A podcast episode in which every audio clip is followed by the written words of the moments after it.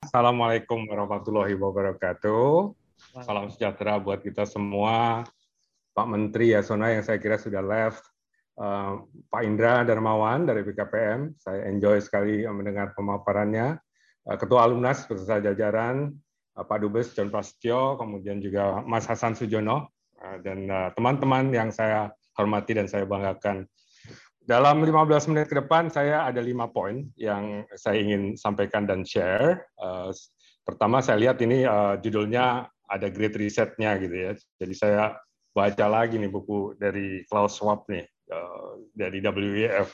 Kebetulan saya juga punya catatan-catatan dari beliau nih, dari apa yang apa yang kira-kira beliau pikirkan beyond the book. Ya. Tapi saya ingin melihat dari kacamata helikopter karena kami bekerja di uh, sebuah bank pembangunan Asia jadi sifatnya regional Asia Pasifik. Kebetulan ADB ini dimiliki oleh 68 negara, 49 negara berada di Asia Pasifik dan 19 negara di luar Asia Pasifik seperti Amerika, eh, negara-negara Eropa, UK dan sebagainya. Saya mohon izin untuk uh, ada beberapa slide just to uh, illustrate the uh, points ya. Uh, maaf. Tulisannya one participant. Oke, okay. right, share. Okay, I hope that you can see that one. Kelihatan ya? Insya Allah. Oke, okay, so saya harap ini bisa kelihatan. Saya kira uh, saya akan mulai dengan poin saya yang pertama bahwa apa yang disebut great reset itu ternyata unequal. Yes, we are having a great reset saat ini karena memang uh, krisis eh, kesehatan ini menyebabkan semuanya terhenti, tidak hanya negara eh, berkembang, tapi juga negara maju. Kita melihat di awal-awal eh, bulan-bulan awal terjadinya pandemik ini, hampir semuanya mandek gitu ya. Kalau kita lihat misalnya di apps flight radar itu kelihatan sekali yang biasanya banyak penerbangan tiba-tiba hilang gitu ya, hanya beberapa dan itu sifatnya juga mungkin yang emergency. Jadi memang ada great reset tapi yang poin saya yang pertama kita ini berada dalam unequal position ya. Eh, kita lihat nanti ya kita lihat sebelah kiri misalnya di sini eh, ini adalah posisi-posisi dari tadi spike dari eh, dan strand dari beberapa negara untuk COVID-19 cases. Ini data diakses 23 Februari mungkin akan ada mungkin akan berubah dan pasti akan berubah ya dan walaupun ada tren menurun, tapi saya kira uh, too uh, soon to be uh, celebrated. Gitu. Kita lihat nanti mudah-mudahan tidak ada spike-spike lanjutan dengan mutan-mutan baru atau varian baru. Cuman yang kita lihat di sebelah kanan ini adalah gambaran dari uh, apa yang terjadi di dunia setelah Great Reset. Jadi tahun lalu ternyata dunia ini terkontraksi tiga setengah persen, negara-negara di Asia Tenggara minus empat persen, Indonesia 2,1, 2,2 kira-kira dan yang menarik di sini developing Asia, negara-negara berkembang di Asia, kalau kita agregatkan, ternyata uh, tidak terlalu tajam penurunannya. Kenapa? Karena memang ada faktor Cina dan Vietnam uh, yang positif. Jadi itu bisa meng, uh, katakanlah meng-offset negara-negara berkembang lainnya karena uh, besarnya ekonomi mereka.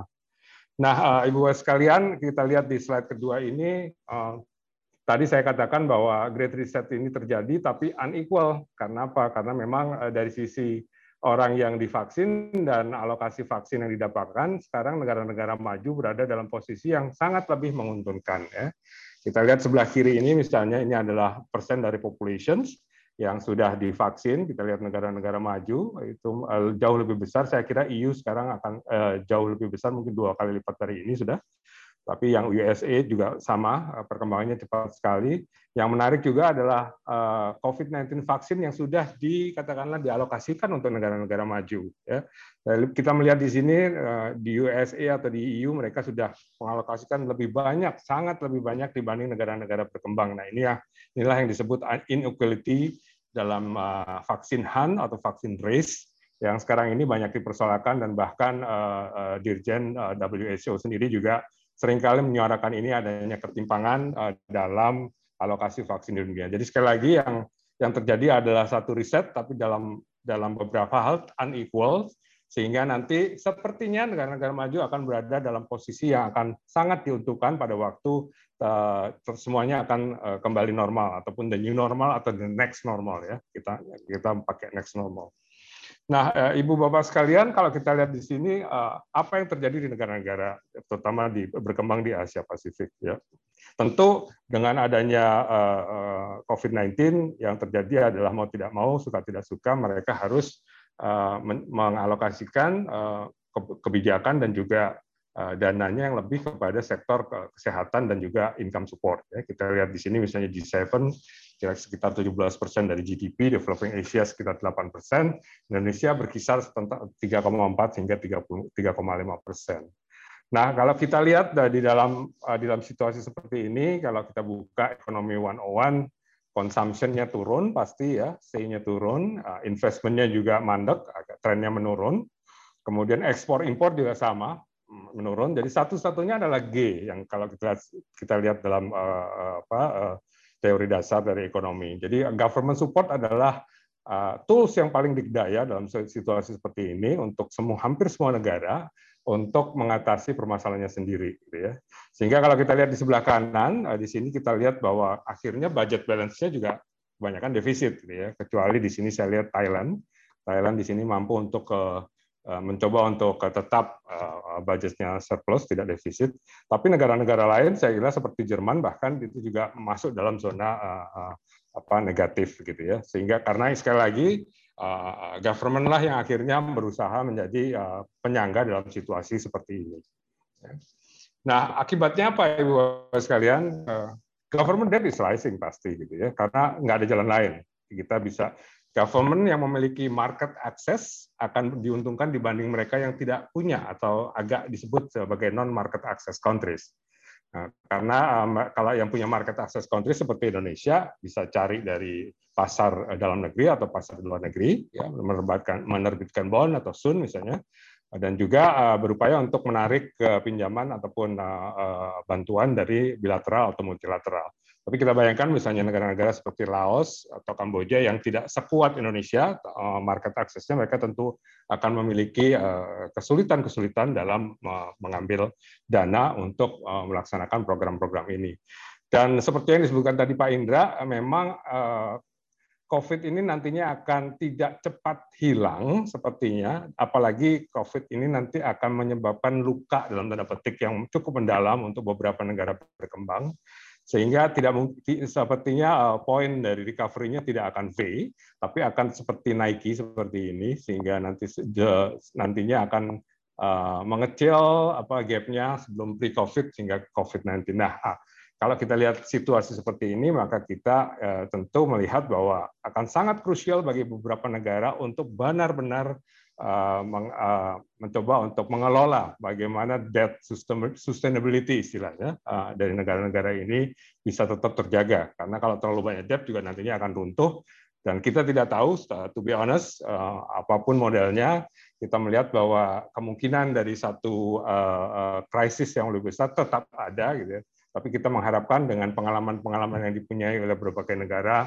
dalam Asian Financial Crisis, dalam Global Financial Crisis, walaupun ini sepertinya baru karena ini tentang kesehatan, uh, tetap bisa menjaga prudensial gitu ya.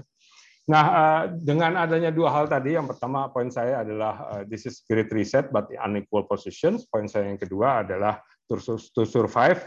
Ini mau nggak mau, suka nggak suka, massive fiscal intervention is needed, dan kita lihat itu datanya. Nah, di, di tiga poin lain lanjutannya, yang pertama tentu uh, negara-negara ini semua ingin mencoba untuk tidak hanya bersandar kepada konsumsi dan juga government support. Mereka ingin agar investasi dan trade juga akan berkembang. Jadi kita lihat memang sekarang ada the race, ada ada ada satu kompetisi di antara mereka untuk segera mungkin memperbaiki iklim investasi dan juga trade mereka supaya mereka bisa nanti kalau sudah normal kembali mereka akan bisa uh, masuk di dalam tatanan ekonomi dunia yang mungkin yang akan baru gitu ya. Nah, sebelah kiri ini seolah-olah memang Indonesia, Vietnam, Cina dan India berdekatan tetapi mohon dilihat juga bahwa ini ada dua skala. Yang satu skalanya puluhan ribu ya, satu lagi adalah ribuan gitu. Jadi sebenarnya Cina dan India, kalau kita lihat di sebelah kanan ini, ada satu data yang menarik yang memperlihatkan 2018, 2019, dan 2020 dari negara Indonesia, Cina, kemudian India, dan Vietnam. yang yang ini misalnya biru dan orange ini adalah Indonesia untuk greenfield investment dan merger and acquisitions ya. Nah, kita akan bandingkan misalnya ini dengan dengan Vietnam saja, jangan bandingkan dengan China dan India yang yang sangat dikdaya ini untuk menarik investasi dan trade. Kita bandingkan dengan China tadi tadi disebutkan oleh Pak Indra juga bahwa memang China, uh, Vietnam ini adalah darling sekarang, uh, suka tidak suka mau tidak mau uh, mereka dalam posisi yang lebih diuntungkan saat ini karena konsistensi, clarity, dan juga certainty mereka lebih dianggap lebih besar dari negara-negara yang lain, dan juga kedekatan mereka dengan eh, jalur eh, Cina dan juga jalur-jalur misalnya dengan Jepang dan Korea menyebabkan mereka secara proximity geografi eh, diuntungkan. Ya. Nah, sebelah kiri ini adalah model yang kami lakukan di ADB dengan multi regional input output table. Dan ini ada tiga, tiga sebetulnya di sini ada tiga tatanan, tatanan yang paling tinggi adalah tatanan di mana global value chain itu terjadi, dan kita lihat di sini pusatnya ada di US, Jerman, dan juga Cina. Tatanan kedua itu adalah eh, penyangga dari tatanan pertama. Kita lihat di sini eh, negara-negara lain seperti Taipei, China, kemudian Korea sudah mulai di sini, Jepang dan lainnya. Dan di tatanan ketiga lah kita bermain di situ ya kalau kita lihat dari multi input output table dan di situ ada Vietnam dan Indonesia. Jadi sebetulnya memang yang yang akan kita hadapi adalah negara-negara ini, uh, Thailand misalnya uh, dan yang, yang di sini kelihatan uh, Thailand di sini misalnya gitu ya. Dan kemudian juga Hong Kong di sini, Vietnam di sini, Indonesia di sini. Malaysia juga berada di dalam tatanan ketiga. Jadi saya, kira inilah percaturan yang harus dihadapi untuk tadi menarik uh, investment dan trade ke depannya. Nah, kalau kita lihat di sebelah kiri kanan ini adalah proyeksi dari GDP growth sekali lagi untuk melihat bahwa eh, apa yang terjadi di global value chain ini bisa mendorong ataupun memberikan eh, kontribusi positif ke dalam eh, future prospect. Karena sekali lagi 2021 ini masih forecast maka tentunya global value chain ini harus diperbaiki. Dan itu tentunya banyak hal yang dilakukan di antaranya dengan misalnya kalau di Indonesia kita lihat ada langkah-langkah omnibus law. Saya kira itu merupakan satu langkah yang diambil pemerintah untuk mencoba membuat posisinya uh, lebih uh, menguntungkan di dalam global value chain. Ya. Uh, hal lain yang juga kita lihat dalam COVID-19 pandemik ini adalah tadi adanya percepatan digitalisasi di berbagai kehidupan ya aspek kehidupan. Ya. Kita lihat misalnya ini satu survei yang kami lakukan bersama-sama dengan bukan ini data dari McKinsey, mohon maaf ini memperlihatkan bahwa eh, sebelum dan sesudah before COVID dan after COVID during COVID-19 itu memang terjadi lonjakan-lonjakan eh, di mana kebanyakan dari eh, perusahaan melakukan B2B transactions dengan menggunakan lebih menggunakan digital ya. Dan saya kira ini tren ini akan berlaku sebelum adanya COVID sebetulnya kita sudah menyebut ini adalah the new normal pada waktu 2019 awal kita proyeksikan bahwa akan ada digitalisasi, IoT, AI dan sebagainya yang akan uh, sangat mempengaruhi berbagai apa, aspek kehidupan, di antaranya misalnya e-governance akan mulai lebih kuat, digital health, e-learning, e-education, intelligent transport, smart city dan sebagainya. Kita sering mendengar istilah-istilah atau jargon itu, tetapi dengan adanya COVID ini kembali kita lihat adanya satu percepatan sehingga uh, digitalisasi ini merupakan hal krusial yang harus dilakukan uh, hampir semua negara untuk mencoba lebih kompetitif nantinya setelah COVID-19 ini selesai. Ya. Nah, ini adalah satu survei yang kami lakukan bersama Kadin di bawah leadership dari Pak Rosan. Terima kasih Pak Rosan. Kita bersama-sama melakukan survei pada waktu satu bulan kira-kira satu dua bulan setelah COVID-19 masuk ke Indonesia dan memang situasinya waktu itu memperhatikan sekali, hampir 50% dari semua UMKM kita berhenti beroperasi waktu itu. Sehingga perlu dilakukan langkah-langkah yang kemudian dijawantahkan, ditindaklanjuti oleh Kementerian Koperasi dan UKM, tentu dengan bekerjasama dengan Kadin pada waktu itu, untuk membuat fasilitasi-fasilitasi, membuat satu cushions, safety net untuk mereka yang di UMKM ini, karena kita tahu bahwa UMKM ini merupakan salah satu sokok guru yang yang dapat kita lakukan untuk menjamin adanya inclusiveness ya. Jadi tidak hanya big business yang kita bantu dengan berbagai macam fasilitas tapi juga ini tidak kalah pentingnya UMKM yang eh, yang dalam beberapa survei di berbagai negara justru uh, lebih dari 90% menyediakan total lapangan kerja ya, terutama di uh, developing countries in Asia Pacific. Jadi merupakan salah satu hal yang memang harus kita lakukan juga untuk tetap memperkuat UMKM dan kalau bisa juga memberikan mereka satu akses untuk masuk di dalam uh, global atau regional value chains. Nah, terakhir poin saya yang terakhir adalah tentang infrastruktur. Ya. Infrastruktur ini diyakini bahwa kalau kita lihat krisis-krisis sebelumnya sebagai salah satu cara juga untuk job creation gitu ya. Tapi yang perlu diingat adalah this is a, infrastructure development is necessary to promote growth but not sufficient ya. Karena sebetulnya yang membuat ekonomi itu bertumbuh adalah aktivitasnya, bisnisnya gitu ya, bukan keberadaan infrastrukturnya bukan adanya eh, airport, bukan keberadaan jalan, bukan keberadaan pelabuhan, tapi justru eh, bagaimana eh, dunia usaha itu memanfaatkan ya.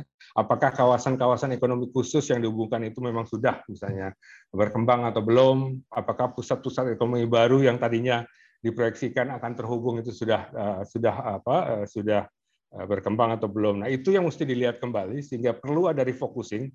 Jangan sampai kita membangun infrastruktur yang mahal. Kita tahu sifat infrastruktur itu ada long term, tidak bisa uh, apa short term. Itu justru nanti akan menghilangkan kesempatan untuk uh, dana tersebut sebetulnya bisa kita alokasikan untuk membuat ekosistem ataupun bisnis environment yang lebih baik. Ya. Dan saya kira di sinilah pentingnya ada satu prioritisasi sehingga uh, nantinya tidak uh, apa hanya melulu kita membangun sesuatu tapi justru kita ingin agar ekonomi yang ada ini kembali recover dengan membuat beberapa fasilitasi untuk pusat-pusat pertumbuhan ataupun yang sudah ada kita perkuat kembali. Ya. Jadi ini mesti balance juga antara infrastruktur yang sifatnya ekonomi dan social infrastructure. Ya. Nah, ini ini juga di beberapa negara terlihat sekali bahwa misalnya untuk eh, health, social protection dan education ini kurang. Gitu ya. Nah sekarang kalau orang bicara membangun infrastruktur, eh, orang akan bicara balance antara social infrastructure dan economic infrastructure. Ya. Akhir kata eh, saya ingin memberikan penekanan bahwa this is a great reset, this is unequal, ya.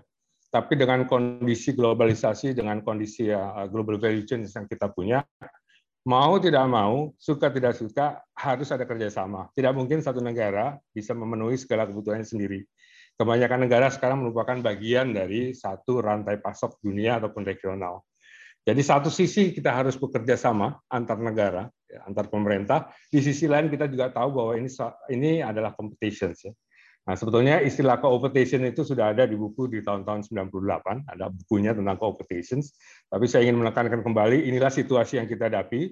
Yes, the great reset, but unequal. Siapa pun yang nanti akan berada di paling depan untuk race selanjutnya, dia akan menentukan uh, bagaimana nantinya negara tersebut bisa berkompetisi di tengah-tengah uh, tatanan dunia ekonomi baru yang mungkin akan kita lihat setelah uh, economic crisis, uh, economic pandemic ini. Saya kira saya stop di sana. Uh, terima kasih sekali lagi. Bila topik Jaya. Assalamualaikum warahmatullahi wabarakatuh.